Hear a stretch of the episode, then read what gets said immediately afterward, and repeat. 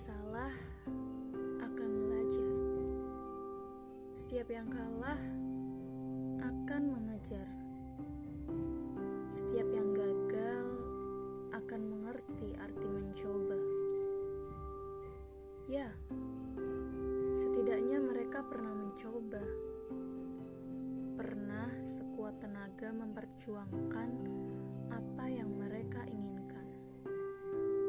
meski perjuangan itu berujung kegagalan, tapi sebenarnya mereka menang. Iya, tentu mereka menang melawan rasa malas, melawan ketidakmungkinan, melawan hal-hal yang membuat mereka tak ingin mencobanya.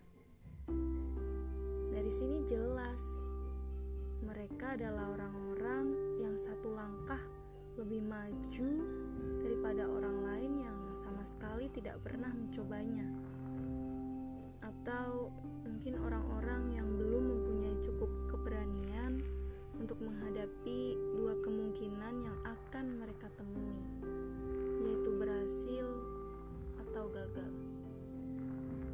Jadi, intinya tetap berjuang selangkah demi langkah lebih maju dari siapa pun. Sampai kita temui titik itu. Titik keberhasilan. Semangat